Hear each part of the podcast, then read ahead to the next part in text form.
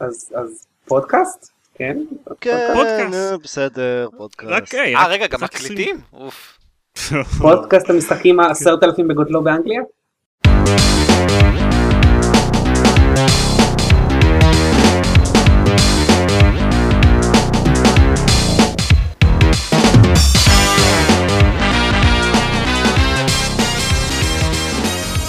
ברוכים הבאים לגיימפוד, הפודקאסט של לוגו משחקים גיימפד, אני דן זרמן ואיתי.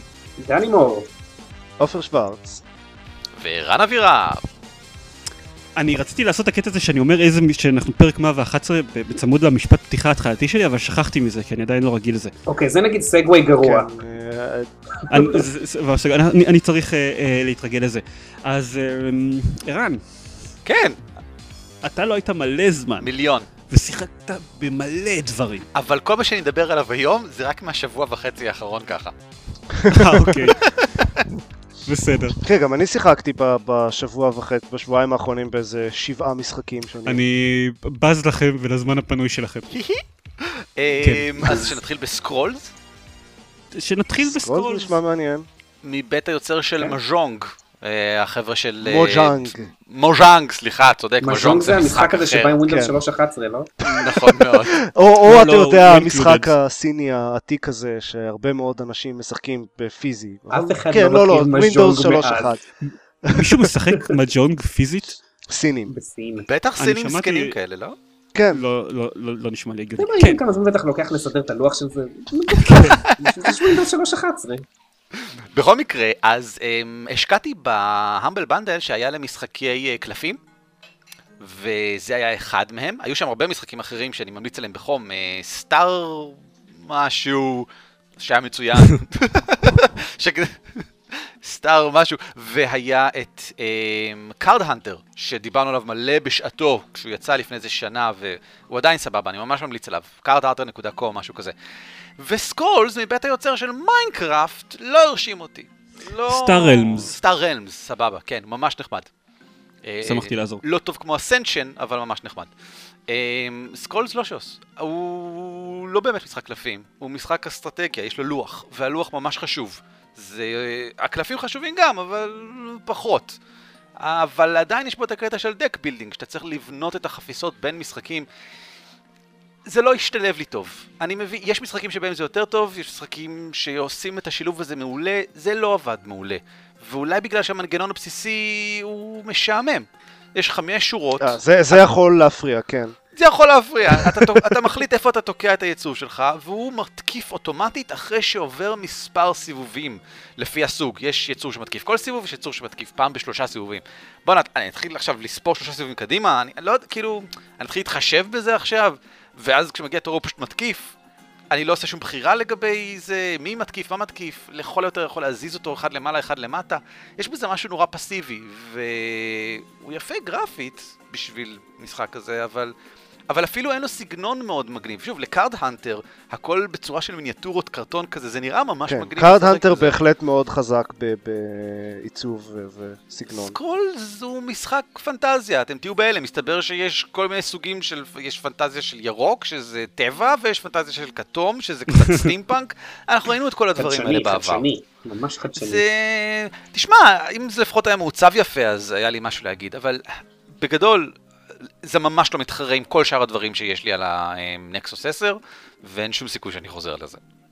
אני יכול להציע שאולי הסיבה שזה לא יצא טוב זה כי הם שרפו את כל התקציב והזמן שלהם על להילחם משפטית על השם. יכול להיות, אני לא יודע. הוא כן נראה מושקע. אני סביר להניח שזה לא כל התקציב שלהם, של מוג'אנג. לא יודע למה, יש לי תחושה שיש להם הרבה. כסף. כן. יש לי תחושה, לא יודע, כן. לא לא בטוח. אה, בוא נגיד, יש להם איזשהו מקור סביר של רווח. כמה זה כבר הצליח? אתם מגזימים לפי דעתי. אוקיי, אז חבל, כן, אני אומר שזה חבל, אבל לא תכננתי לשחק בו אי פעם. אבל- אז כאילו, אם אם יש, אה, אם יהיה משחק קלפים אונלייני שאני אכנס אליו אי פעם זה יהיה Hearthstone כנראה, אבל אממ. כאילו... Hearthstone. אבל- אבל אבל אני לא אעשה את זה לעצמי. אני... לא מופיע ברשימה של משחקים ששיחקתי? Hearthstone. למרות שאני משחק כל יום. פשוט שתדעו. אוקיי, אה, בסדר, ברשימה. של משחקים שאני שיחקתי לא מופיע Marvel Puzzle Quest. כן, בדיוק, בדיוק. בדיוק. תודה לאל. אם כבר מדברים על כן. משחקים גרועים, אז אה, טליסמן. דבר ראשון, למי שאולי לא יודע, אה, טליסמן עומד לצאת בעברית כמשחק לוח במהדורה אולטרה מעודכנת חדשה שלו. אה, אני תרגמתי, אז גילוי נאות. וזה הכל טוב ויפה.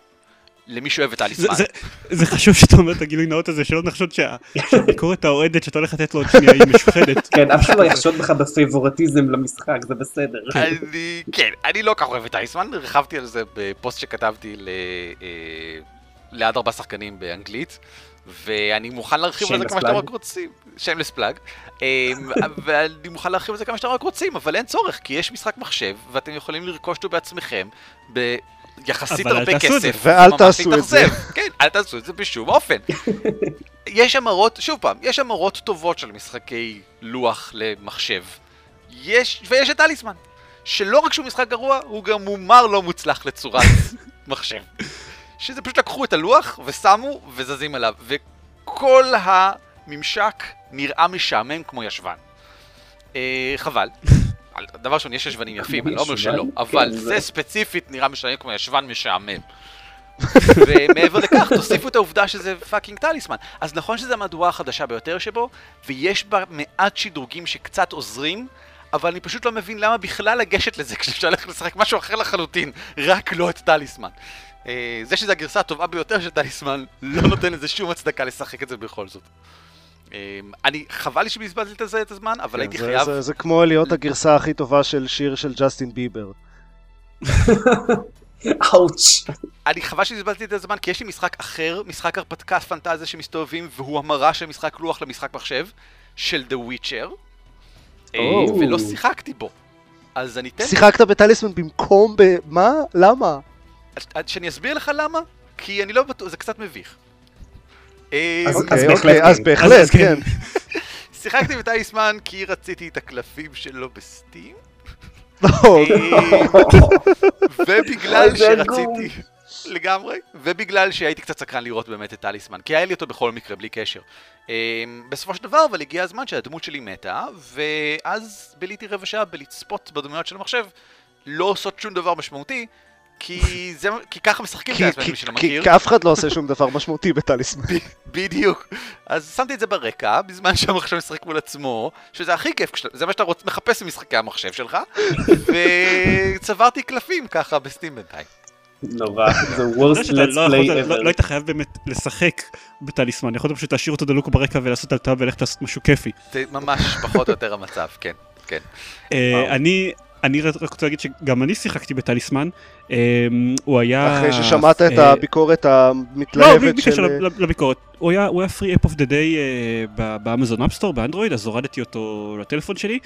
אה, ורציתי קצת, כאילו, בכל זאת זכרתי שיש איזשהו, איזשהו כיף קצת בקטע הזה של לשלוף קלפים בטליסמן, למרות שהוא משחק מחורבן, כאילו אני גם... ללא ספק לא יש. בזה כיף, כן. זה. בדיוק הקסם של משחקים מהסוג הזה. העניין הוא שתמיד במשחקי, בהמרות של משחקי קופסה למחשב, יש את השלב שאחרי שאתה מבין את הממשק ואתה מבין איך זה הולך, אז אתה לוחץ על הכפתור שמאיץ את כל האנימציות, כי זה לא מעניין אותך, ואין את זה בטליסמן. למה שיהיה? ועכשיו, לא רק שאין את זה בטליסמן, אלא אפילו אם אתה רוצה, אוקיי, להניח טלפון בצד ואחר כך לקרוא, לקרוא מה קרה, אז אתה לא יכול- לראות את זה במסך הראשי, אתה צריך להיכנס ללוג, ואז לפחות בממשק הסלולרי זה ככה, אם אתה נניח אה, נכנס למשחק שהתחלת מלפני כמה ימים, ואתה כבר בתור 50 של המשחק, אז צריך עכשיו לגלול למטה, כאילו, להזיז את האצבע למסך 4 אינץ' שלך, במשך סדר גודל של דקה וחצי עד שאתה מגיע לתחתית ורואה מה קרה בתור האחרון. ואתה צריך לעשות את זה בכל פעם שאתה מפעיל את המשחק מחדש, הוא כאילו שוכח את המקום שלו אני ב scrolling. אני לא- מבולבל. למי אכפת מה קרה בתור האחרון? איך זה ישפיע על התור הבא? כי- זאת תגלגל קובייה, אני תזוז לדעת, נניח, לאיפשהו, לא יודע, וזהו. אם- אם הגנב... אני רוצה לדעת אם הגנב גנב ממני איזשהו חפץ. עכשיו, אני אגיד, זה יותר משמעותי בגלל שכל, שהעובדה שכל פעם שאתה נכנס למשחק מחדש אז זה שוכח את המיקום שלך ב log הזה, זה משמעותי בגלל שלא הצלחתי לשחק יותר מנניח שתי תורות בדבר הזה לפני שאני יצאתי ממנו כי זה היה כל כך משעמם. אמ, אז זהו, אז לקח לי סדר גודל של שבועיים עד שסיימתי את המשחק הראשון שלי. כל פעם נכנסתי לשתי תורות ואז זה שעמם אותי מאוד ואני חשבתי לעצמי, ו- "בוא, אני אשחק וכל פעם ב Talisman?" חזרת מחדש. אני חיכיתי שדברים יטענו ב Marvel Puzzle Quest וזה. היו סיבות. בגלל זה מבכים על, היכולת ריכוז של הדור שלנו, כי אפילו בזמן שאתה מחכה למשחק הסלולרי שלך, אתה משחק במשחק סלולרי אחר. כן, העניין זה גם- עצוב. שזה גם... זה גם לא היה פתרון טוב, אני כאילו חיכי, חשבתי טוב, אני אעביר קצת זמן עם טליסמן, ואז שחקתי שתי דקות ונזכרתי, אה רגע זה ממש משעמם, ואז בהיתי בקיר במקום. אה, אז כאילו, אה, שיחקתי שתי תורות בכל פעם, סיימתי את המשחק שלי אחרי שבועיים, ואני לא הולך לחזור אליו בחיים. מה שמדהים אותי זה כמה זאת פלטפורמת אה, DLC חסרת בושה. כאילו כל, יש שם את כל ההרחבות של טליסמן פחות או יותר, וההרחבות עולות מחירים מגוחכים, ויש מיליון דמויות שכל אחת מהן עולה דולר, וזה פשוט נוראי בעיניי, מי יוציא כסף על הדבר הזה? אני לא מבין. לי דווקא, אני דווקא חושב שזה ממש סבבה. אני מבחינתי ממש לא אכפת לי שמי שנהנה מטייסמן שירכוש כמה שהוא רק רוצה ושילך להתפוצץ. אה, אבל, אבל, מגיע לאנשים האלה להפסיד. כסף. כן, יאללה. אני רוצה זה, אני רוצה לרוץ קדימה דרך שני משחקים בקצרה, שהם רק המשחקים הארוכים ביותר אי פעם, Skyrim ו Dragon Age Inquisition. אוקיי. אה. משהו בקטנה, סיימתי את Skyrim. השבוע, פעם ראשונה. ו... מזל טוב. אף יש פעם לא בעיה, סיימתי כי- משחק של Bethesda. זהו, אתה גם כשסיימתי, לא הרגשתי שסיימתי. כי כל מה שקרה זה שהסתיים ה quest, בסדר, ואתה ממשיך. לא, כמו אף פעם- כל אף פעם לא. סיימתי את ה main quest במשחק של Bethesda. אמ, אבל אני לא הרגשתי שום דבר מיוחד אחר כך. סיימתי, סיימתי אגב גם כן. עם הרחבה, ואתה לא מרגיש שום דבר שבגלל זה, מיוחד אני מניח אחר כך. שבגלל זה פשוט לא סיימתי. כן, כי זה לא אותו שיש. איזה משהו, זה זה לא שיש משהו מעניין ב- ב main, כאילו משחקים, ובאיזשהו שלב נמאס ומפסיקים לשחק. האמת- אני מבין את זה. אני גם סיימתי את העלילה וזה... זה כזה אנטי קליימקס, כי אתה כזה, ו, ו, זהו, אתה עדיין שם, שום דבר. אתה יכול לעשות אה, Fus Ro Dah לדברים אקראיים בעולם ושום דבר לא קורה. אז החלטתי שאני כנראה מתחיל אותו שוב פעם. אה? הפעם, כן, כן, הפעם אבל אני נותן משמעות אחרת למשחק, אני משחק בכוונה בתור נורד, כאילו מישהו מהגזע של הנורדים, שקוראים לו נורד, והוא רק מרביץ להכל. ואני אנסה להגיע את דרכי, לחצוב את דרכי עם גרזן כל הדרך עד לסוף של ה quest הראשי, תוך כדי שאני מרביץ לכל דמות שלא מוצאת חן בעיניי, לא משנה מי או מה. אני אנסה לרצוח את דרכי לפסגה, ונראה אם זה עובד. זה... אין שום סיבה שזה לא יעבוד. זה כן, חוץ מכמה דמויות שאי אפשר להרוג כי, כי Bethesda הם מוזרים ב role playing, אין בעיה שפשוט תהרוג את כל האנשים בעולם. ויישארו רק איזה זה- כמה יארלים וכמה אה, דמויות חשובות שם. אז אני, אני אנסה, אני רוצה, אני רוצה להקליט את זה, אני רוצה לעשות מזה let's play. אה, נראה. let's play רצח עם בסקיירים, Let's murder. זה הטגליין. לא, כן, let's murder. זה נקרא נורד מרביץ לסקיירים. אה, הוא. ירביץ, הוא יסתובב וירביץ לסקיירים. עכשיו, לגבי Dragon Age Inquisition, כן? אז אה, אחלה משחק. אה, למי שהיה לו. ספק. ממש ממש כיף. אם- לא הבנת אה, מהארבעה פוסטים שכתבתי כן. עליו, פלוס הפוסט סיכום שנה שלי, כן, אני חושב שזה אחלה משחק.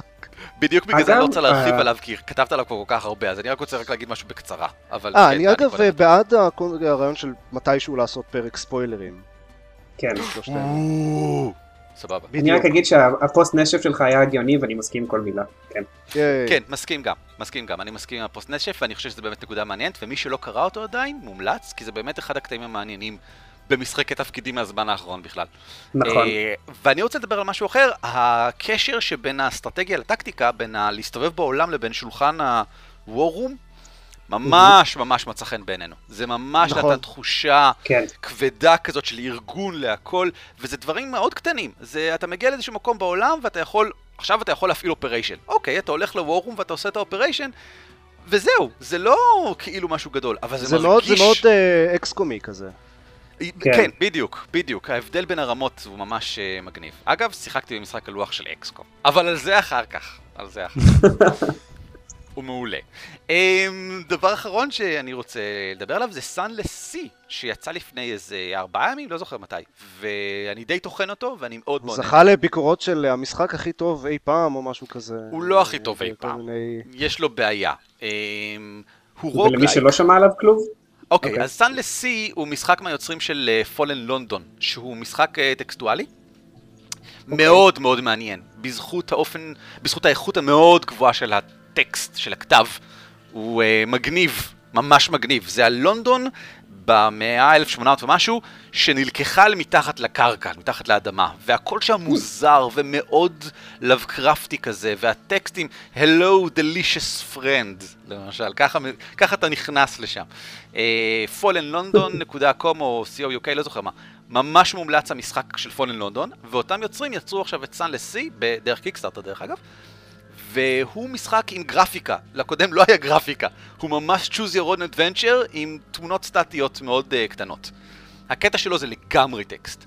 זה ממש משחק עם ספינה קטנה ששטה בים, uh, ב-Z למעשה, כי משום מה, במשחק, בעולם של פון ללונדון לא אומרים C, אומרים Z, ואין סיילורס, יש זיילורס, ו-Z מונסטרס, וזה פשוט המצב. אז הם, הם בעצם ze Germans. Germans. אז יש לך סירה, ואתה מסתובב ברחבי, אתה חוקר את העולם התת-קרקעי שמשתנה כל משחק, כי זה roguelike, אם כי תמיד יש בגדול את אותם איים, השאלה היא איפה. אמ, והקטע הוא שיש מלא storylets כאלה. storylet זה הכינוי של החבר'ה של Fallen London לפיסות קטנות של סיפור. ואתה מגיע לנמל, ואתה מגלה שם איזשהו משהו שהוא מפתיע ויוצר סיפור חדש, ואתה מצרף איזשהו אה, מישהו לצוות שלך, לתפקיד מסוים, ואתה משוחח איתו, מזמין אותו לארוחת ערב, והוא מספר לך על משהו שהיה רוצה לעשות, ולמחרת פתאום אתה מגלה משהו מוזר על הספינה, כל מיני דברים. זה מעניין, כי יש מלא דברים מעניינים שקורים, זה ממש כיף לי לשחק את זה. אבל למה זה רוגלייק? אני, זה, זה, זה נורא מוזר. יום אחד אני אמות, דמות שלי תמות, וחבר'ה, אני משקיע בה מלא. עוד מעט נדבר על NEO Scavenger, אני אבכה על זה גם שם. השקעתי בה מלא, אני לא רוצה שהיא תמות. עכשיו, למשחק יש איזשהו מנגנון קצת כמו ב Rogue Legacy, שחלק מהדברים שעשית ממשיכים הלאה לדמות הבאה, וזה ממש נחמד, אתה יכול לבחור שהדמות הבאה למשל היא האויב של הדמות שלך. אז הוא מקבל דברים, אבל דברים שונים מאם זה נגיד בן משפחה של הדמות שלך, וכן הלאה. זה חמוד, שוב, הכל מגניב מבחינה סיפורית, אבל הוא לא מקבל את כל הדברים של הדמות שלי. כל מה שהשקעתי הולך לעזאזל. זה לא מספק אותי, אני לא מבין למה במשחק שבו הכיף זה לגלות סיפורים, צריכים גם לתת לי אתגר כזה של למות. לפחות שיעשו את זה כזה opt-out, שאתה יכול לא למות, כאילו, אם אה, אתה... יכול שהמוות לא יהיה סופי. אתה יכול לעשות סייבים. אם אתה יכול להגיד, אוקיי, אני רוצה לעשות סייבים. ואז אוקיי. תעשה מה שבראש שלך. אבל מה, אני נקניק? אני לא נקניק. אבל, אבל אמרת, זה בדיוק מה שאתה מחפש. אתה אבל זה מה שרצית. זה מה את האופציה.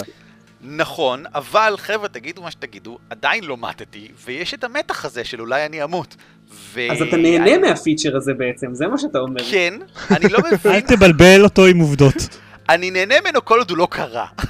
כשהוא יקרה, אני כנראה לא אחזור למשחק אחר כך, מרוב תסכול. אה, אז תתחיל לעשות סייפים. וואו, זה כאילו, אפשר להגיד משהו על, לא יודע, תיאוריית הקוונטים וההנאה שלך מהמשחק הזה. אני חושב שזה יותר... אה, הרוגלק של שרודינגר. אני חושב שזה יותר אשר משרודינגר. נחכה ונראה. בכל מקרה, ממלץ מאוד בחום, הוא די זול בסטים, ואתם לא שיחקתם משהו כמו זה. זה בטוח. צריך קצת סבלנות, כי יש מלא טקסט לקרוא, אבל זה ממש שווה את זה לדעתי. אמ, לי, אני שמעתי המון המון אה, דברים טובים עליו, אה, מירית אמרה לי שזה right up my alley, אה, בגלל ההנאה שלי, ההנאה המזוכיסטית מאוד שלי ממשחקים שמתעללים בך. ואני קראתי עליו קודם ביקורות אוהדות, אבל מאז גם שמעתי באיזשהו פודקאסט שבעוד שה... באמת כל ה storylets שלהם הם מאוד מאוד טובים, אז שם כאילו המשחק מאוד מודד השוואות ל-FTL בגלל המבנה שלו, אבל בניגוד ל-FTL, אז המכניקה שבין הקטעי סיפור האלה היא לא טובה כל כך. מאוד בסיסית. הקטע הבסיסי של להסתובב בים ולהתקיף דברים הוא מאוד מאוד בסיסי וקצת מיותר. אז זהו, אז אה, זה קצת, אה, זה, זה קצת מצער אותי שאני שומע את זה. נכון. נכון. אוקיי. עדיין שווה. אז, אז אוקיי, סבבה. אני אבדוק אותו מתישהו כשירד לי מ NEO Scavenger שיקרה אף פעם. בסדר גמור. טוב, סבבה. עופר? אז, אז אה, פעם אחרונה ש, ששמעתם ממני סיימתי את Talos אה, Principle. מה ששיחקתי אחרי זה זה קודם כל אה, Life is Strange, הפרק הראשון, שאני מניח שנדבר עליו עוד כשהוא, כשיצאו הפרקים הבאים. Um, ו... באמת, אה, מה שאני חושב שארז כתב בביקורת שלו, שכן, שאין אין באמת יתרון לקטע האפיזודיאלי הזה, כאילו אני, אני זה, זה כל כך מרגיש חסר, וזה בעיה מבחינת ביקורות, וזה בעיה מהרבה בחינות, ו... כדי שתגיד אבל לשנייה מה, מה זה ה... מה, מה זה Life is Strange? לאנשים שלא קראו את הביקורת משום מה. עכשיו, uh, Life is Strange הוא הנקודה שבה uh, המשחקים של טלטייל הפכו רשמית לז'אנר, כי עכשיו יש uh, חברה שאינה טלטייל שעשתה משחק כזה. והחברה היא Don't Know, אלה שעשו את Remember Me. אז זה ממש, מכל בחינה זה בדיוק משחק טלטייל, כמו The Walking Dead או The Wolf Among Us. Uh, וזה ממש נכנס יפה לז'אנר. Uh, מבחינת הסגנון של הסיפור זה יותר כזה איפשהו בין uh, סדרות תיכון אמריקאיות ובין איזה טווין פיקס או משהו כזה. כאילו יש קצת על טבעי וקצת מוזר וקריפי, וסוג של תיכון רק שזה נכתב על ידי אנשים שהם לא אמריקאים, ולכן... ולא הם... בתיכון. ולא בתיכון, ולכן הכל נראה שם כמו אוניברסיטה, כמו קולג' כאילו. ומתנהג כמו קולג'. לא, אז, אז לפי המשחק, אז המשחק טוען שהיא בתיכון. אבל, אבל, אבל זה לגמרי קולג'. זה, זה פשוט קולג' רק שהם אומרים שזה תיכון. ו- וחושבים שזה מספיק כדי לגרום לזה להיות תיכון. אבל לא, זה קולג'. כאילו אני שמעתי, שמעתי הרבה שזה ה artistic impression של איך אה, בתי ספר בארצות הברית נראים מישהו שלא היה אף פעם בבתי ספר אז, אז אני חושב שזה יותר פשוט, זה קולג' לכל דבר, אה, חוץ מזה שהאנשים בו הם אה, בני 17 או 18 או משהו כזה. חוץ מזה זה קולג'. אוקיי. ו... וזה סיפור, זה סיפור נורא כזה אישי עם איזה ילדה והחברה הטובה שלה וממש סיפור תיכון כזה וחוץ מזה היא גם יכולה להחזיר את הזמן אחורה. כאילו הסיפור מתחיל ב- ביום שבו היא מגלה את זה. הקטע הזה של להחזיר את הזמן אחורה הוא אמ, שילוב של נחמד ומטופש כי מצד אחד זה, זה, זה עובד מצוין עם המודל הזה של טלטייל uh, שיש כזה הרבה uh, בחירות שצריך לקבל והחלטות שצריך לעשות ואפשר פשוט לראות איך זה עובד ומיד להחזיר את זה אחורה. אם רוצים, אם יש איזו אופציה לעשות משהו שאתם לא באמת רוצים לעשות את זה אבל אתם רק רוצים כזה לראות מה יקרה אז זה בדיוק זה. אפשר לעשות את זה ואז להריץ את הזמן קצת אחורה ולעשות את הבחירה שבאמת רציתם לעשות. וככה אפשר לראות את כל התגובות של הדמויות לכל דבר. כמובן שזה כאן, אה, יש אה, כזה השפעות אה, down the line, אבל... ומבחינת אה, המכניקה, כאילו, מבחינת הפאזלים במשחק שיש אה, פה ושם, זה, זה, הם, הם עדיין לא הגיעו למסקנה שטיילטייל אה, לקח איזה שניים, ש, שניים שלושה פרקים של אה, The Walking Dead להגיע אליה, שזה הכי טוב שהם פשוט מוותרים כמעט לגמרי על ה... אה, adventure game stuff ומתמקדים בסיפור ובדיאלוגים ובבחירות. אה, אז יש כל מיני uh, כזה אתגרי יחידות uh, adventure game style לאורך המשחק והם משתמשים ב, ביכולת הזאת של להחזיר את הזמן אחורה בצורה בערך הכי מאולצת שאפשר. כלומר, כל, ה... כל החידות האלה או שהן דורשות איזשהו ידע מוקדם שלא יכול להיות לכם בכלל, ואז אתם עושים את זה פעם אחת ועושים את זה לא נכון ולומדים את הדבר שהעובדה האחת שאתם צריכים ואז מחזירים את הזמן אחורה ועושים את זה שוב, או שיש יש לכם זמן מוגבל וזה פשוט לא מספיק זמן. אז אתם צריכים לעשות משהו, ואז להריץ את הזמן אחורה, ואז לעשות עוד קצת, ואז להריץ... אלה שתי הדרכים היחידות שמשתמשים ב... ביכולת הזאת uh, לאורך ה... את uh, דוגמאות לשני הדברים האלה רואים בלטספליי שצילמנו. אז כן. זה, זה, הרגיש, זה הרגיש נורא נורא מאולץ. אמ, אה, ובעיקר אני, אני מחכה לראות מה, מה יהיה בהמשך. בינתיים זה נחמד.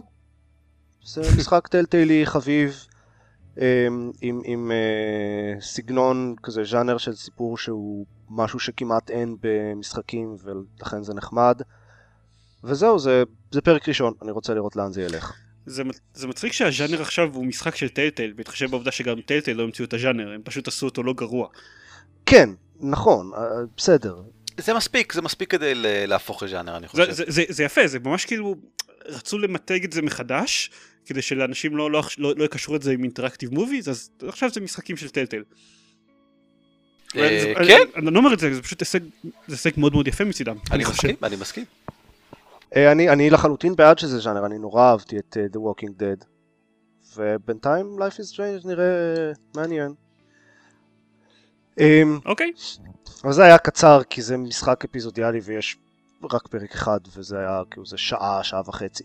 אמ, אז אה, חוץ מזה שיחקתי ברצף של משחקים קטנים כאלה שבעיקר ניסיתי כל אחד מהם כזה קצת ואני ממש אדבר בקצרה. אמ, אפותיון, משחק אה, פלטפורמר כזה שיצא ממש אה, החודש נראה לי. אמ, שיחקתי בו על הפלייסטיישן והוא לא מעניין, פשוט כאילו אוקיי, יש פלטפורמינג, יש אה, קרבות, יש לו סגנון, יש לו סגנון ויזואלי מאוד נחמד, כזה כמו אה, ציורים עתיקים כאלה, הוא, הוא ממש אה, מעוצב, ממש נראה כמו ציורים עתיקים, אה, על קדים או דברים כאלה. ו... וזה חביב, אבל מעבר לזה אין בו שום דבר מיוחד או מעניין בכלל, כאילו, משחק, אז ויתרתי.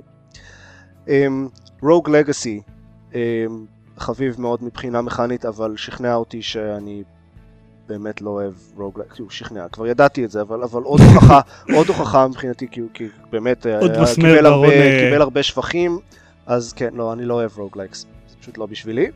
אתה בעצם כן היית מפעיל בסלנסי את האופציה של אה, שלא תמות, שזה לא יהיה פרמדף. כן, כנראה. אני, הדבר שהכי הפריע לי ברוג לגאסי, שהרעיון שלו כל כך נחמד, זה שהפלטפורמינג קצת יותר מדי מדויק, דורש ממני קצת יותר מדי מהירות וכאלה, אני- אני לא מתחבר ל- לזה דווקא. אה, בתור מישהו שאהב את אה, סופר מיטבוי אני בסדר עם פלטפורמינג סבבה. כן, אפרנטלי. אמ, שיחקתי ב-Valiant Hearts, שאני חושב שזה מאוד נחמד שעשו משחק על הנושא הזה ובאווירה אווירה של הסוג של אה, אווירת מלחמה והכל מאוד אה, רציני ועצוב ואינפורמטיבי, אבל אני לא מבין מה הוא מרוויח מזה שהוא משחק. כלומר, זה, זה כל הדברי מלחמה האלה, אה, סוג של אנציקלופדיה שיש להם וסיפורי מלחמה והמכתבים וכל זה ואז כל פעם ברגע שמתחיל גיימפליי זה פשוט לא קשור. זה פשוט, זה, זה גיימפליי לא מעניין ולא קשור ואני לא מבין למה צריך אותו למה זה לא יכול להיות פשוט סיפור. אז גם את זה לא, לא שרדתי עד הסוף. אה, אני רק אגיד שמירית מאוד אהבה אותו, אני זוכר. כשדיברה עליו בפודקאסט לפני מזמן. באוקטובר מתישהו, בסדר. אני חושב. אוקיי. אה, והמשחק הקטן האחרון הוא Master Reboot שאני for the life of me אני לא זוכר איפה שמעתי עליו בכלל. אה, לדעתי אני משחק- שמעתי עליו בג'ינקוויזישן, זה המקום היחידי אני חושב שמישהו אמר עליו משהו. אני לא זוכר איפה שמעתי עליו, זה משחק שהוא נורא אינדי, אה, והוא כזה, הוא סוג של, אה, נורא אינדי. It's an adjective now.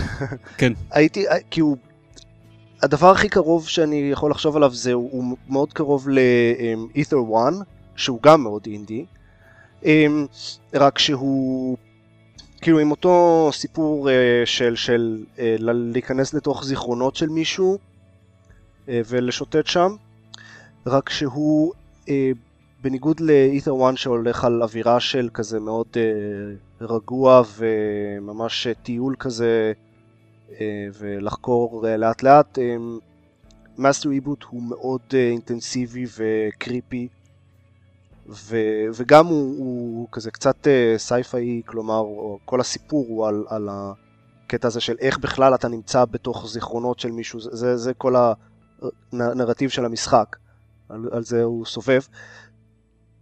והוא מעניין, הוא, הגרפיקה שלו לא קרובה אפילו לזו של אית'ר 1, אית'ר 1 הוא מאוד יפה. אבל אבל הוא מאוד מעניין ומאוד מאוד קריפי, הם, הם עושים קריפי בצורה ממש טובה אה, ואני אני לא כל כך אוהב אה, אימה באופן כללי, אבל, אבל זה פשוט כל כך קריפי. זה כזה, זה לא מפחיד, זה קריפי, וקריפי זה טוב. אז הוא קצת, הוא קצת כזה, הוא, הוא קצת אה, rough around the edges ולא לגמרי polished, אבל לדעתי הוא מאוד מעניין, ומי שאוהב כזה קריפיות ו... דברים קצת אה, מוזרים ולא שגרתיים אז, אז שווה לבדוק והוא גם בגלל שעוברים בין, אה, בין זיכרון לזיכרון אז, אז הסגנון נורא משתנה אה, כזה שלב אחד זה כזה סטלת' ואז שלב אחד זה פשוט לשוטט ב- בכזה playground ולחפש דברים ולפתור חידות ואז שלב אחרי זה זה, זה לנהוג בכביש אז זה נורא מגוון ומוזר. מגניב? אוקיי. כן, הוא חמוד. ואלה היו כל המשחקים הקטנים. אה, דבר אחרון ששיחקתי זה לפני האחרון, אבל נגיע לזה. אה, התחלתי את אה, Middle Earth Shadow of Mordor. אמ, וזה פשוט אחד המשחקים הגרועים ששיחקתי בזמן האחרון. אני התחלתי אותו ועל ההתחלה הוא כבר, כאילו מהרגע הראשון הוא התחיל לעצבן אותי ואז הוא עצבן אותי יותר ויותר ואמרתי לא אבל אנשים אמרו עליו הרבה דברים טובים וזה אני אמשיך והוא פשוט עצבן אותי, כן, לקח אני- לו, אני אני- ביניהם. אנשים אמרו עליו הרבה דברים טובים אבל לא בפודקאסט כאילו דני אתה לא דיברת על Shadow of Mordor אף פעם. לא יודע, אני לא יודע, אבל כאילו... בחול או משהו כזה היחיד שדיבר על Shadow of Mordor היה ארז שגם לא התלהב ממנו. כן אבל ארז לא אהב את הקרבות של אה, ארקאם של בטמן ואני כן. ואגב הסיבה ש-Shadow of Mordor הוא המשחק הלפני האחרון אה, זה שפשוט כשהוא, כשהוא עצבן אותי סופית ו- ועשיתי לו rage quit ברמה של למחוק אותו מה hard disk שלי אה. אז אז זה לא- אה, לא rage quit כבר. אז אה. במקום זה כן אז אז פשוט התחלתי את Arkham City שוב במקום. אה, אז אה, כן עשיתי לו rage quit אני פשוט הוצאתי את ה hard disk מתוך המחשב וכאילו עברתי עליו שרדתי את כל הלוחיות שלו את הבית. או שזה SSD ואז Shadow of Mordor. הוא איך, הוא, הוא איך שהיה נראה Arkham City אם לאנשים שבנו אותו לא היה שום רמה של design discipline פשוט שום רמה בשום מידה שהיא. יש איזה הקדמה של, של שתי שניות בערך שהיא לא קשורה לכלום ואז פשוט זורק אותך בתוך sandbox ואומר אוקיי זהו בהצלחה. ותוך תוך שעה בערך אתה כבר, כבר, אני כבר מוצא את עצמי נלחם בקבוצות של 20 אורקים חלק מהם יורים חצים, חלק מהם זורקים חניתות, לחלק מהם יש כזה, אה, חסינים לכל מיני אה, התקפות ספציפיות. אה, פעם בכמה זמן פתאום הוא זורק איזה אה, סוג חדש של התקפה שצריך להתחמק אליה בצורה ממנה, בצורה מיוחדת, בלי להסביר, בלי לתת, אוקיי. אז, אז התחלתי אחרי זה את ארקם סיטי, וארקם סיטי, כל פעם שהוא מביא סוג חדש של אויב, אז זה נראה ככה. יש אה, מין כזה אה, הקדמה, הוא כאילו ממש נותן לכם קרב מיוחד עם, עם רק אויב אחד או שניים מהסוג הזה, מסביר איך אה, להתחמק, איך לטפל בא, באויב הזה, אה, נותן לכם ממש כזה אזור סגור להתאמן על זה, ולעשות את זה כמו שצריך, אז הוא מכניס אה, קרב קצת אחרי זה עם, עם, עוד, עם, עם האויב הזה ועוד כמה אחרים, ואז מתחילים לאט לאט להיכנס לכל הקרבות. ב-Shadow of Mordor פשוט באמצע איזה quest פתאום בקרב האחרון ב quest שאני נלחם באיזה 40 אויבים אז פתאום אומר לי אה אגב גם הסוג הזה של האויב יש לו התקפה מיוחדת שאתה צריך uh, להתחמק ממנה בהצלחה ו- כן, ותוך כדי שאני גם נלחם ב-20 אויבים אחרים. והוא עושה את זה כל הזמן. אף פעם בשום שלב במשחק הוא לא נותן לכם הזדמנות להתרגל לדברים חדשים או ללמוד. פשוט זורק דברים באקראי, ו- וזה, זה, ככה, ככה נראה המשחק, הוא פשוט, אין, אין לו מבנה.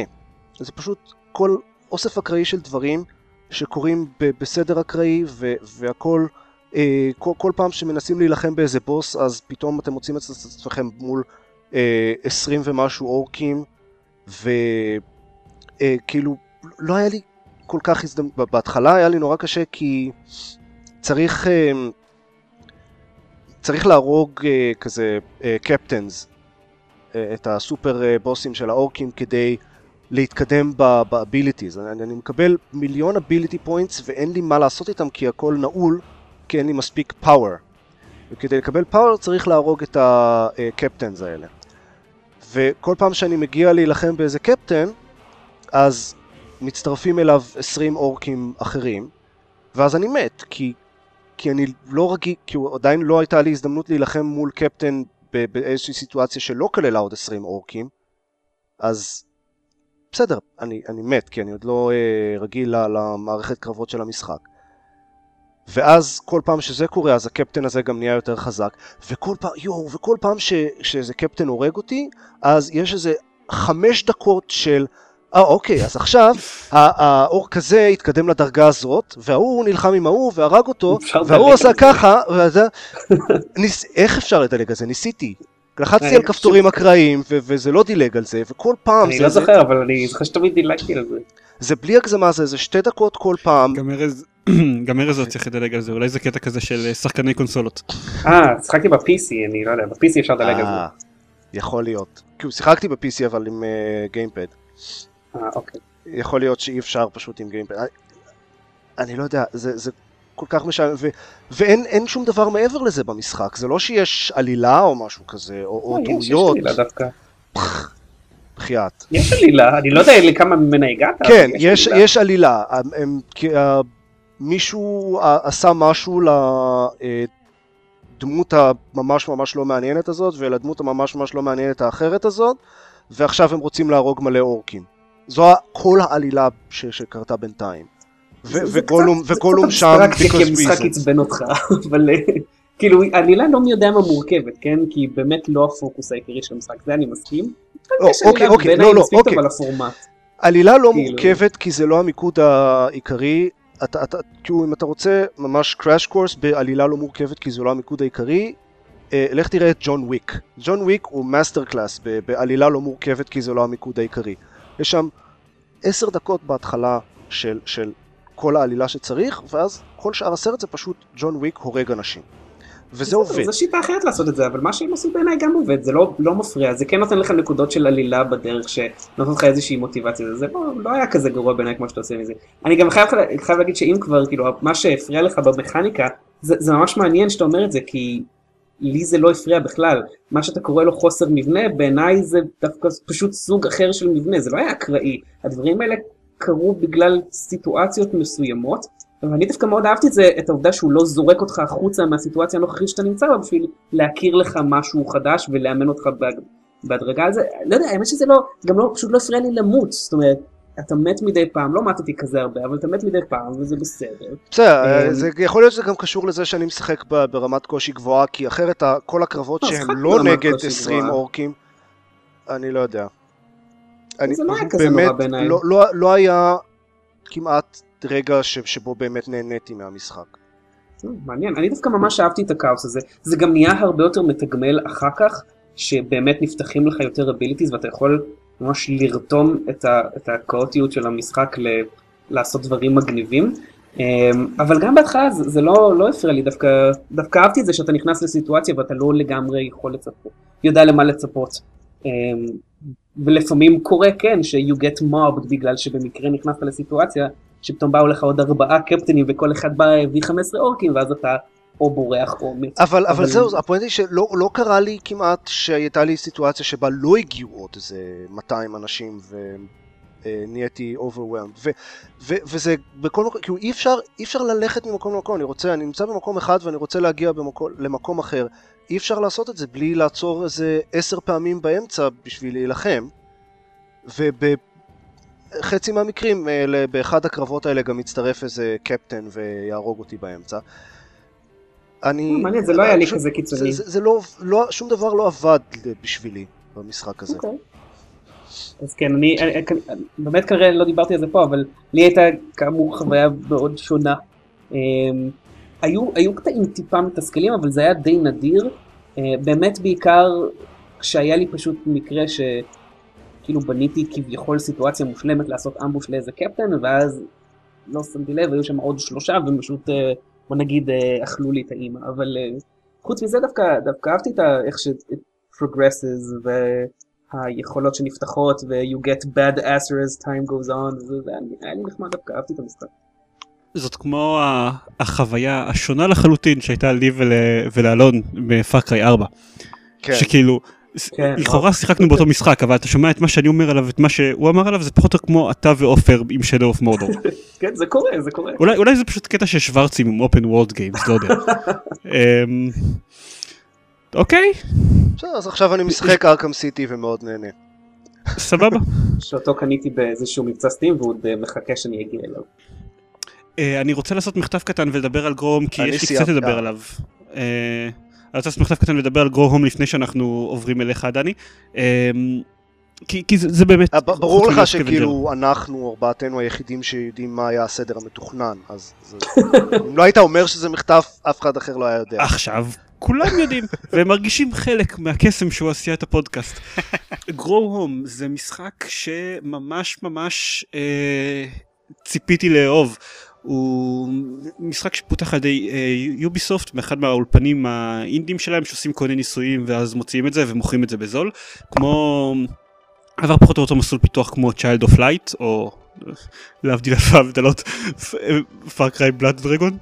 הוא אז משחק כאמור קטן כזה אה, שנוצר כתוצאה מהניסויים שהם עשו באנימציה פרוצדורלית כלומר שהדמות זזה בצורה שלא מראש מקליטים את כל התנועות שלה ואת כל האנימציות שלה אלא אה, כשאתם זזים קדימה אז הדמות מנסה להזיז את הרגליים והמחשב מנסה לצייר את האנימציות שמתאימות לזה. והם בנו מסביב לקונספט הזה משחק שבו אתם משחקים ברובוט קטן שצריך אה, שנמצא בסוג, בארץ מוזרה של איים מעופפים אה, וצריך להצמיח צמח שנמצא באמצע הארץ הזאת אה, לגובה של 3 קילומטר שזה המקום שבו נמצאת החללית שהצניחה אותו שם. הוא מאוד מאוד יפה הוא כאמור רעיון מקורי הוא משחק ניסיוני קטן וחביב כזה הוא נמכר ב-8 דולר אה, וכמו כן הוא כל מה שרע ב-third person ופלטפורמינג גיימס. כאילו הוא נשמע טוב. באמת חיבבת את הרעיון של למשל הקטע של בניגוד למשחקי אססינס קריד או מירור's אדג' או לא יודע כל משחק אחר ששם דגש על, על תנועה וטיפוס אז um, המערכת טיפוס שלו היא כזאתי שאתם שולטים ב, בתפיסה של כל יד בנפרד ואז אתם יכולים אוקיי הטריגר השמאלי ב gamepad תופס את, הקיר עם יד שמאל הטריגר הימני תופס את הקיר עם יד ימין ואז אם אתם רוצים לטפס למעלה אז אתם מחזיקים את הג'ויסטיק למעלה לחוץ ואז אתם אה, לוחצים עושים לחיצות alternating כאילו על הכפתור על הטריגר השמאלי והימני בשביל לטפס למעלה. רק שאז אתם מגיעים לקצה העליון של הקיר ופתאום ה- ה- פתאום הקיר מתעכל כאילו הופך לתקרה כזאת ואתם רוצים להת- להת- להתעלות על התקרה ואז אתם מנסים לסובב את המצלמה בצורה כזאת שאתם תוכלו לראות את, ה- את האזור שאתם אה, נתלים עליו וגם להזיז את הכפתור של המובמנט בצורה כזאת שהוא יפרש את התנועה של הידיים שלכם למקום הנכון ואז אתם לא עושים את זה לגמרי נכון ואז אתם מתבלבלים ואז אתם בטעות עוזבים את הטריגרים ברגע הלא נכון והדמות שלכם נופלת למטה מרחק של 500 מטר ואתם צריכים לטפס את הכל מחדש ואז אתם שוברים את, ה, אה, את המסך עם הראש שלכם. אה, זאת לפחות הייתה החוויה שלי בגלל זה קנית מסך חדש? בגלל זה קניתי מסך חדש כן. אגב אבל המסך חדש הוא גם נראה מאוד מאוד יפה אני אני הוא, הוא אמור להיות קצר אז כנראה אני אמשיך להתקדם בו עוד ואתן לו עוד טיפה צ'אנסים אה, בטח גם נקליט לו let's play מתישהו מאוד מאוד בקרוב אבל אני ממש ממש הנקודה שאני ממש רציתי לאהוב אותו אבל אבל לא כאילו אני לא יודע דיברתי עם כל מיני חבר, אנשים מהבלוג אה, בצ'אט ואמרתי שאני קורא לו frustrating camera controls the game זה פשוט אה, מבאס זהו אוקיי. אבל האינטרנט מאוד אהב אותו for what it's worth אם אתם רוצים להקשיב לדעה של אנשים-.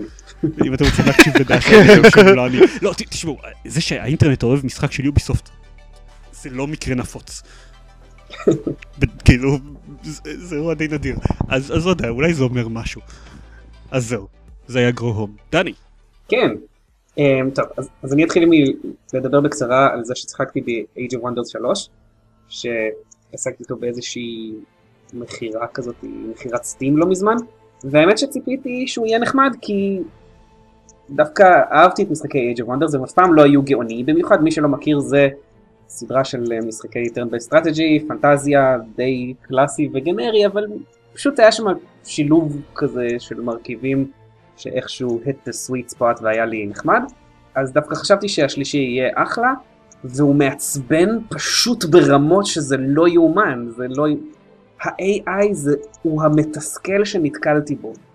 הוא overpowered בדברים מסוימים, כאילו אני משחק בדיפיקלטי גבוה יחסית, אבל הוא overpowered בטירוף ובאופן לא פרופורציונלי בדברים מסוימים, ואז הוא פשוט מתנהג כמו אידיוט בדברים אחרים, ככה שאתה אתה פשוט שועט לתוך המשחק שדברים אקראיים ומוזרים ומעיקים קורים, קורים לך, ואין לך שום דרך באמת לשחק חכם, לפחות ככה זה נראה. ואני לא הגעתי מי יודע מה רחוק, אני במשימה השנייה, ואני אמ, מנסה לכבוש איזו עיר של האויב, ומה שקורה זה שהוא פשוט מטיל קסמים על שלושת הערים האחרות שלי, מה שגורם להם אוטומטית להיכנס למין מצב כזה של רבולט, כל היחידות שלי נוטשות אותי, הסוף.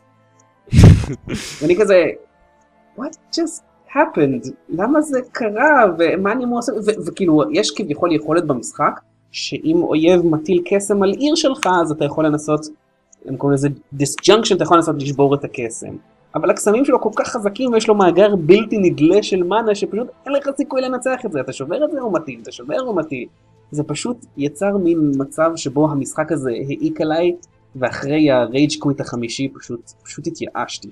אמ, אז יכול להיות שהוא יותר סביר ב difficulties נמוכים יותר, אבל זה מבאס אותי שבשביל לעשות את זה קשה הם עשו את זה לא הוגן, ומבחינתי זה, זה deal breaker, אז, אז חבל. אמ, מה גם שהם לא חידשו בתכלס כלום מהמשחקים הקודמים, אה, למעט קצת את הגרפיקה שהיא לא מי יודע מה יפה anyway, אז מי ש... היה להם הרבה מאוד זמן לחדש מהמשחקים הקודמים, לא? הרבה מאוד, כן. אז מי שעדיין יש לו חשק משום מה לשחק ב-Age of Wonders, אז שיחזור ל-Age of Wonders 2 ו- ויוותר על, ה- על האיטרציה הזאת, כי באמת פשוט לא שווה את זה. אמ, כן, אז זה היה בקצרה על זה. אבל יותר חשוב מזה, זה שבזכות, אה, או, או בגלל, אולי בגלל זה ארמן, שיחקתי הרבה מאוד ב-NEO Scavenger. NEO Scavenger. משחק מז'אנר האינדי, אה, משחק roguelike, שהוא אה, אפשר להגיד המשחק הכי מכוער ששיחקתי ב-20 שנה האחרונות, אה, אבל הוא מצוין ואני אסביר. קודם כל הוא באמת ממש מכוער, מי שהולך לשחק בו שיבין שזה משחק נורא מבחינת הגרפיקה, זה, זה לא סתם בחירה עיצובית למרות שזה בחירה עיצובית, זה משחק מכוער ברמות נוראיות. בעיניי הוא הגזים עם כמה שהוא מכוער. אני אלך צעד קדימה ואגיד שגם הממשק שלו ממש מציק, כן. ולא כיף להשתמש בו. אני מסכים, אני בעיקרון גם מסכים עם מה שאתה אומר, ערן, ועל שניהם דיברתי בפרק קודם ש- ש- שדיברתי עליו, אבל מאז אני למדתי מספיק טריקים, נקרא לזה, שהופכים את הממשק שלו, ואני אומר את זה בדיוק, לסביל. הממשק שלו נהיה סביל. אבל עדיין מעפן.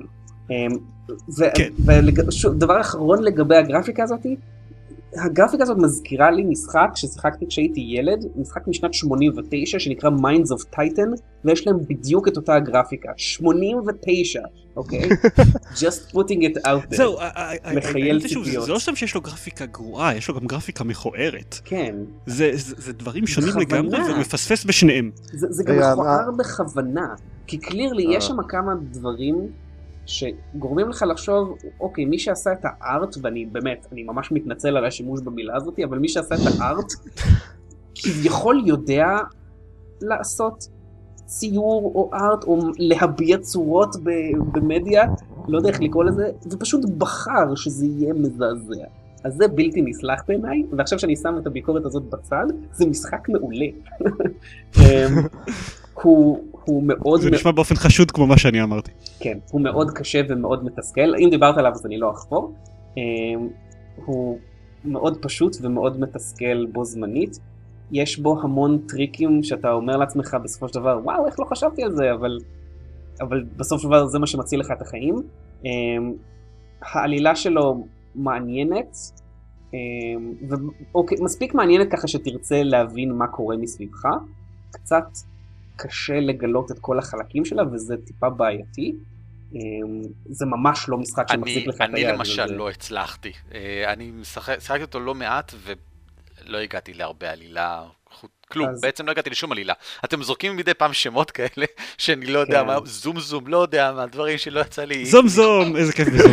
תכלס יש, יש חלקים ענקיים מהעלילה, שאם לא הגעת למשבצת מאוד מאוד ספציפית במפה, אין לך סיכוי להבין את זה. אה, את זום זום רואים גם מהמשבצות שלידו.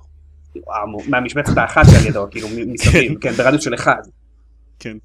אה, שלא לדבר על האחרים שמה שקרה טרחו להחביא אותם, זאת אומרת, כאילו זה לא, לא היה קשה מספיק, זה גם חבוי.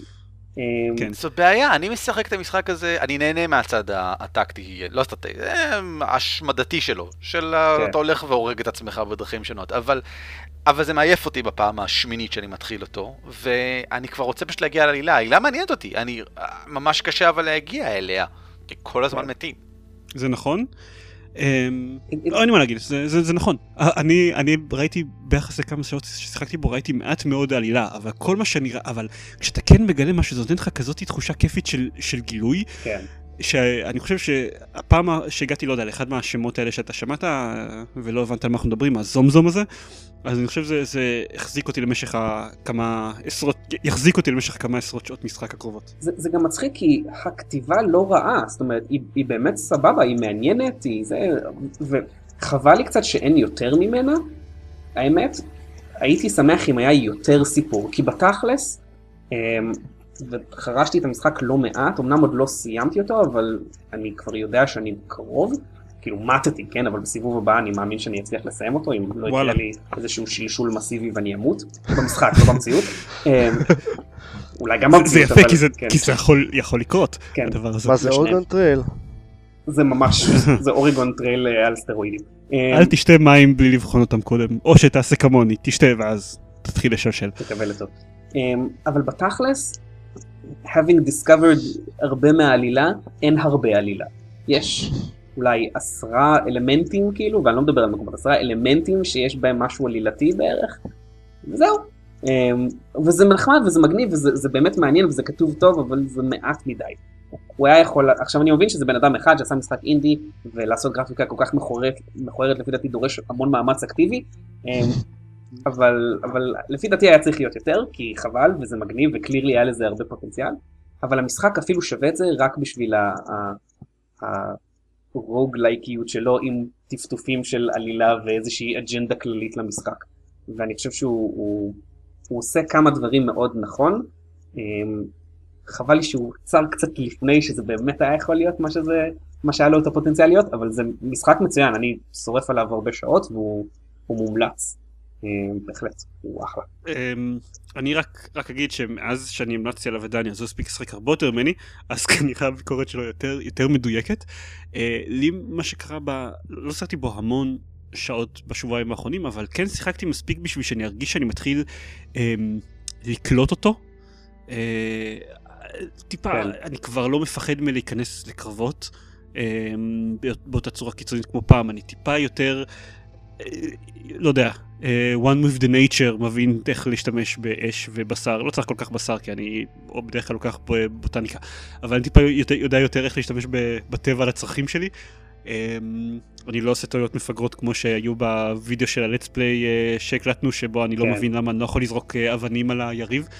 אמ, ו- וככל שאני לומד אותו יותר אז הוא, הוא נהיה לי כיף הרבה יותר כי הוא היה לי כיפי כבר מההתחלה אבל אה, אני ממש אוהב את איך שכל המערכות של המשחק משחקות אחת עם השנייה ואיך שזה מאוד עוזר לי לבנות סיפורים בראש שלך כאילו אוקיי תכלס אני עושה tracking אחרי עקבות של מישהו ובשביל בשביל אה, להרביץ איזשהו looter ולגנוב לו את התיק אבל אבל זה לא סתם מרגיש כאילו אני מנצל את המערכת הזאת זה מרגיש אישי העניין הזה. הלוטר הזה הגיע לטריטוריה שלי והוא העז להתגרות בי ואני um, הולך בצמא דם לחפש אותו בשביל לתקוע לו קרובר בראש וגם במשחק. האמת היא שאחד הדברים שהם עשו טוב, שהוא עשה טוב, זה שבאמת המערכת היא, היא מתפקדת, זאת אומרת המערכת חוקים שקיימת במשחק היא רלוונטית ואפקטיבית, זאת אומרת אם אתה באמת לומד את החוקים אז זה ממש עוזר לך לעבוד בתוך העולם הזה. כי אני, אני נגיד שמתי לב שעכשיו אני כבר תמיד מגיע לאירועים העלילתיים המסוימים, א' כי אני יודע איפה הם נמצאים וב' כי אני יודע איך לשרוד הרבה יותר טוב וגם הקרבות יש להם איזשהו flow מסוים אמ, שאם אתה יודע מהו אז אתה יכול לשרוד בסיכויים הרבה יותר גבוהים ולנצח מה גם ש... כאילו זה משאיר לך אבל איזשהו אלמנט של אקראיות, זה אין מה לעשות. תמיד עדיין יש אלמנט של סיכון, שאם אתה נכנס לקרב, ידפקו לך כדור בראש ממרחק של אה, 15 צעדים ואתה מת. גם אם אתה כביכול יודע מה אתה עושה, או שיכול להיות שתהיה בלילה ומישהו יבוא, ידקור אותך ותמות. זה יכול לקרות, כן? אה, כמו בחיים.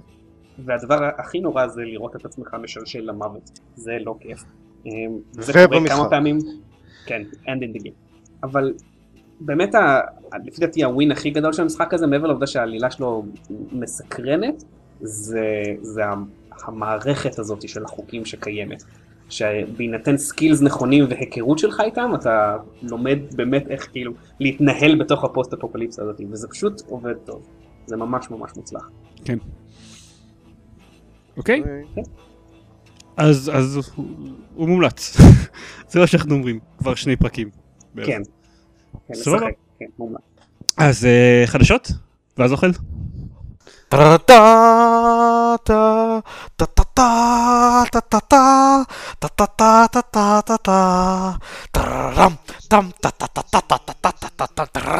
אני מציע אוכל ואז חדשות. נם נם נם נם נם. טוב, אז קרו כל מיני דברים, ואנחנו נתמקד בעיקר במשהו אחד.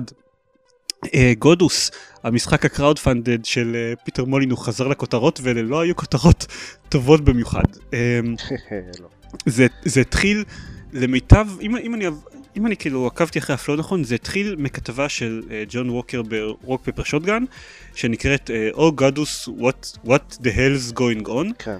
um, שצצה בעקבות כל מיני uh, um, דברים שנכתבו בפורום של המשחק על ידי אחד מה-lead designers שלו. ובכלל יש סיפור ארוך מאחורי איך הבחור הזה הגיע להיות ליד דיזיינר, זה היה תומך קיקסטארטר שמאוד מאוד מאוכזב מאיך שהפיתוח של, אה, של גודוס התקדם.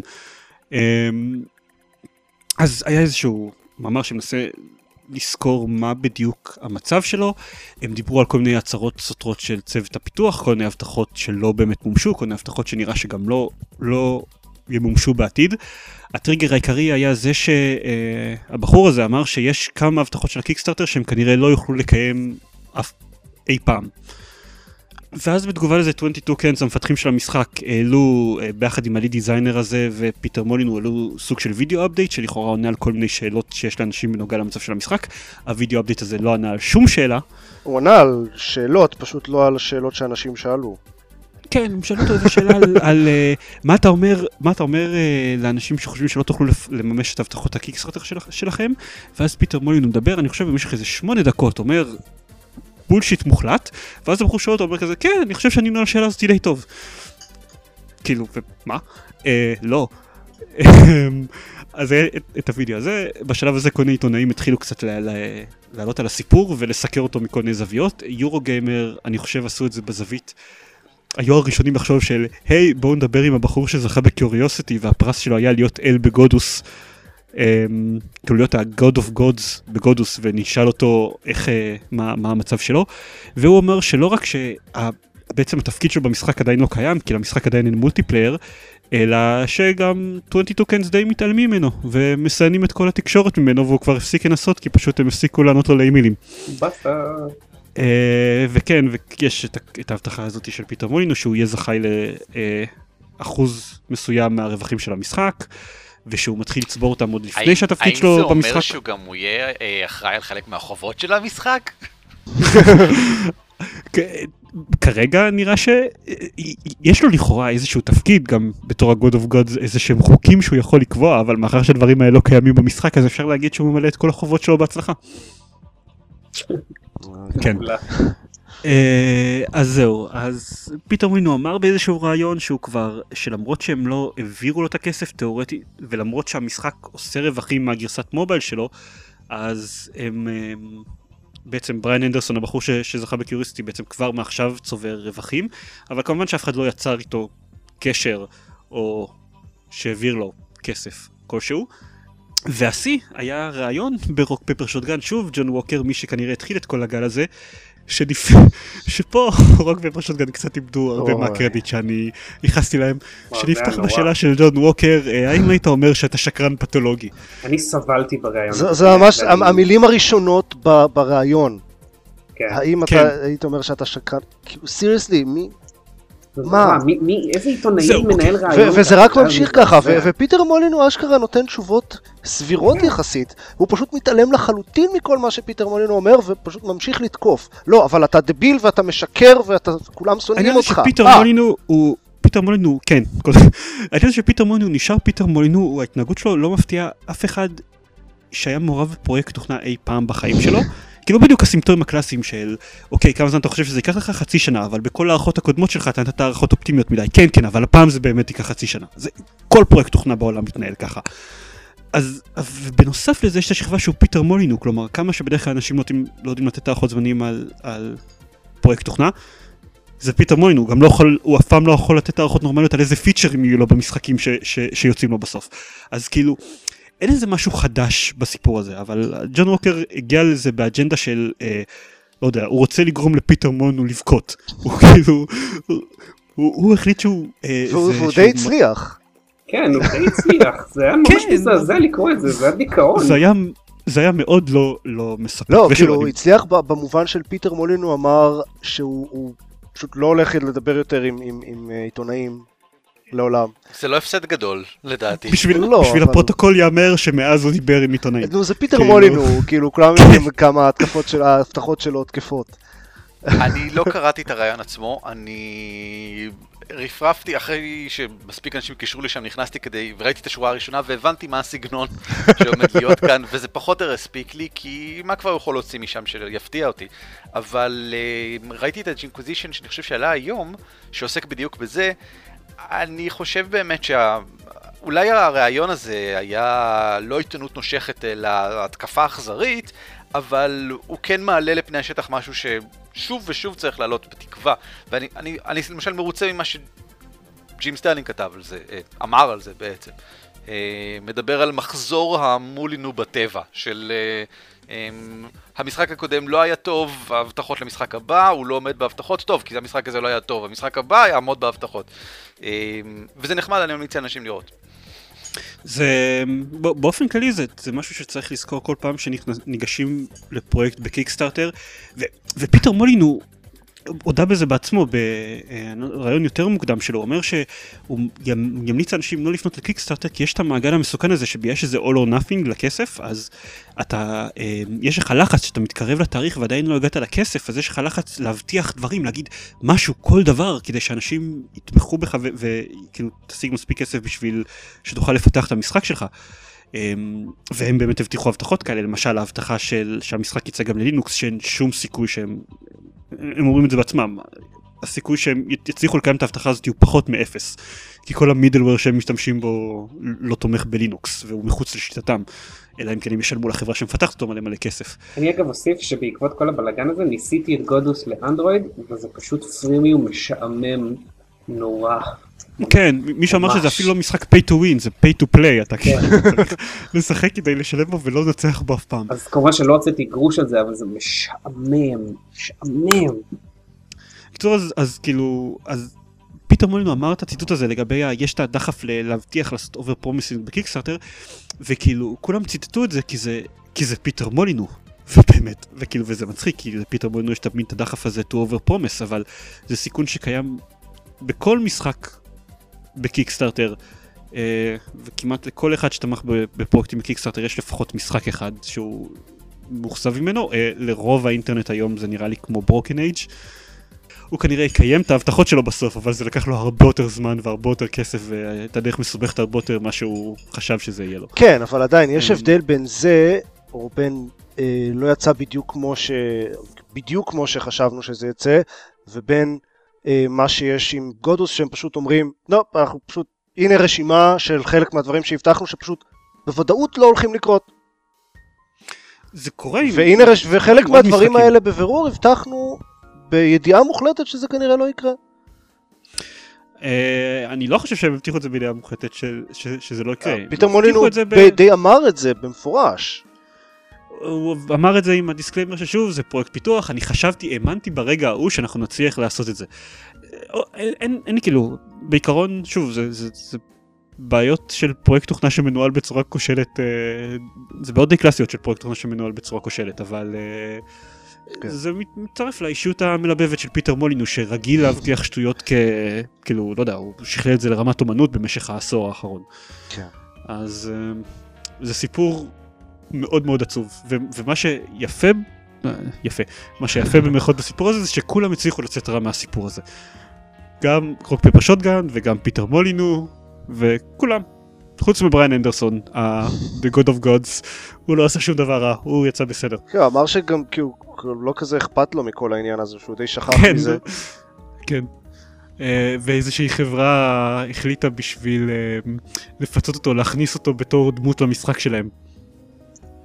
מישהו מדבולבר די- דיג'יטל החליט להכניס אותו למשחק הבא שלהם, אה, Not a Hero. כן, בתור סוג של אל בערך. כן. אה, שזה מצחיק. אז זהו, זה הסיפור העצוב של, של גודוס, שעכשיו אה, משתולל באינטרנט ועוד מעט כולם ישכחו ממנו, חוץ מכמה תומכי קיקסטארטר מאוכזבים.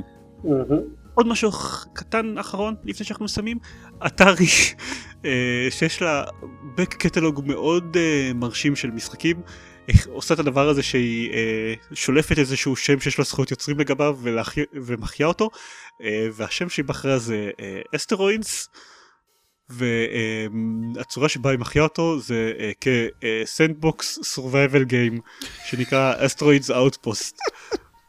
אפשר שנעשה בתיאום אנחת תסכול אחת משותפת, כולם ביחד? כן, כן. שלוש, ארבע, ו... קיצר, כן, זה, זה כל כך כאילו... זה, זה חסר משמעות, זה סתם זה שם, פשוט רנדום. ו- וזה כאילו, ו- זה, זה סתם שם שכתוב באותו פונט שהיה פעם כתבו אסטרואידס, זה הכל. זה מספיק.